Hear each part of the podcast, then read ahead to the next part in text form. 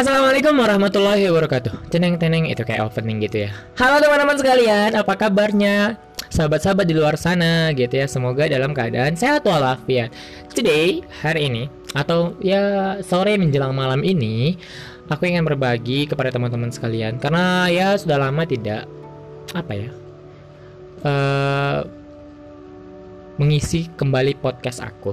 So hari ini aku coba untuk isi kembali uh, sebelumnya mari sama-sama kita men, uh, mengucapkan rasa syukur kita kepada Allah Subhanahu wa taala atas nikmat yang telah diberikan sampai saat ini. Kita tuh banyak banget nikmat yang Allah berikan yang tanpa kita sadari dan tanpa kita syukuri. Sebenarnya seperti itu.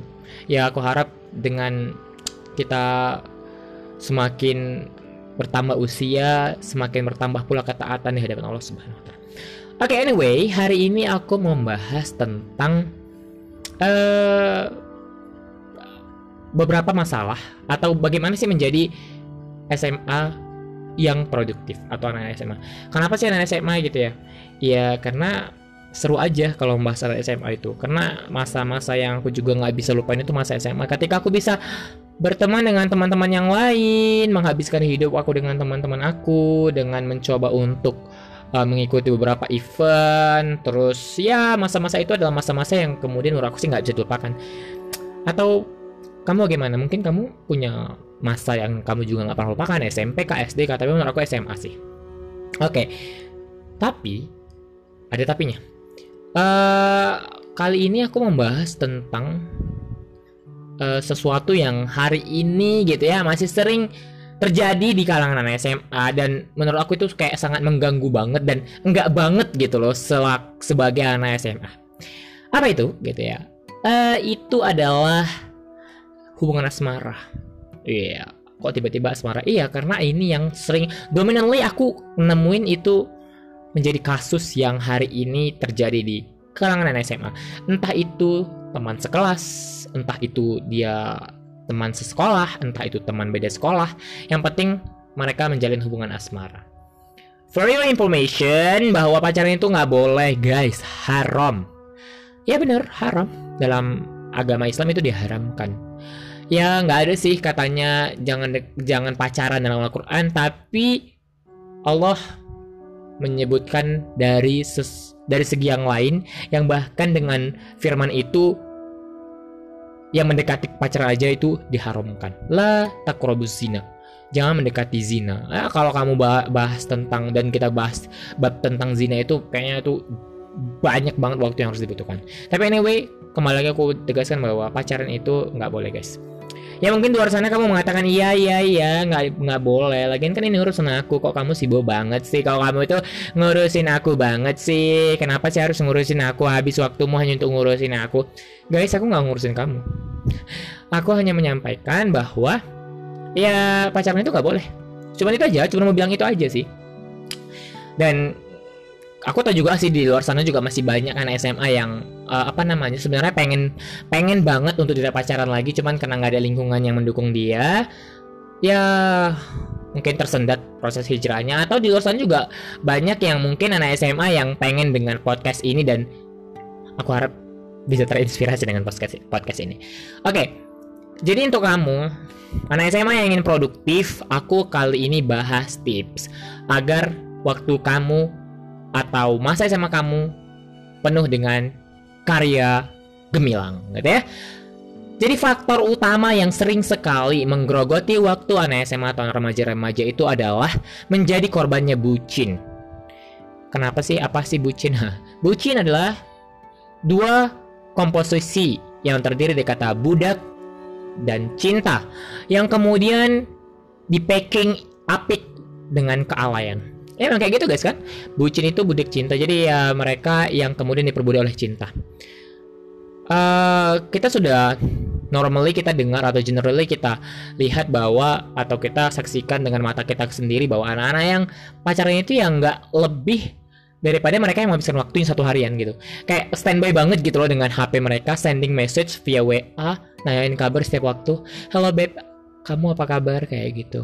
Anyway kamu apa kabar? Sudah makan? Sudah sudah minum belum? Sudah bernafas? Enggak. Ah kamu yang matiin ya? Ah kamu aja. Kamu aja. Kamu aja. Bayangin kalau itu terjadi guys. Kayaknya hal itu ya nggak mungkin terjadi aku harapnya sih nggak terjadi gitu ya. Jadi sebenarnya kayak gitu sih yang terjadi antara orang-orang yang sedang menjalin asrama. Ya terserah sih mau bilang apa ya. Mungkin aku nggak kayak gitu kok pacarannya. Aku pacarannya normal kok. Pacarannya sehat pacarannya syari. Guys nggak ada pacaran syari. Kalau pacaran syari itu berarti lu nikah dulu baru pacaran. Itu baru pacaran syari namanya. Kalau pacaran tanpa ada status yang halal itu namanya nggak pacaran syari. Itu namanya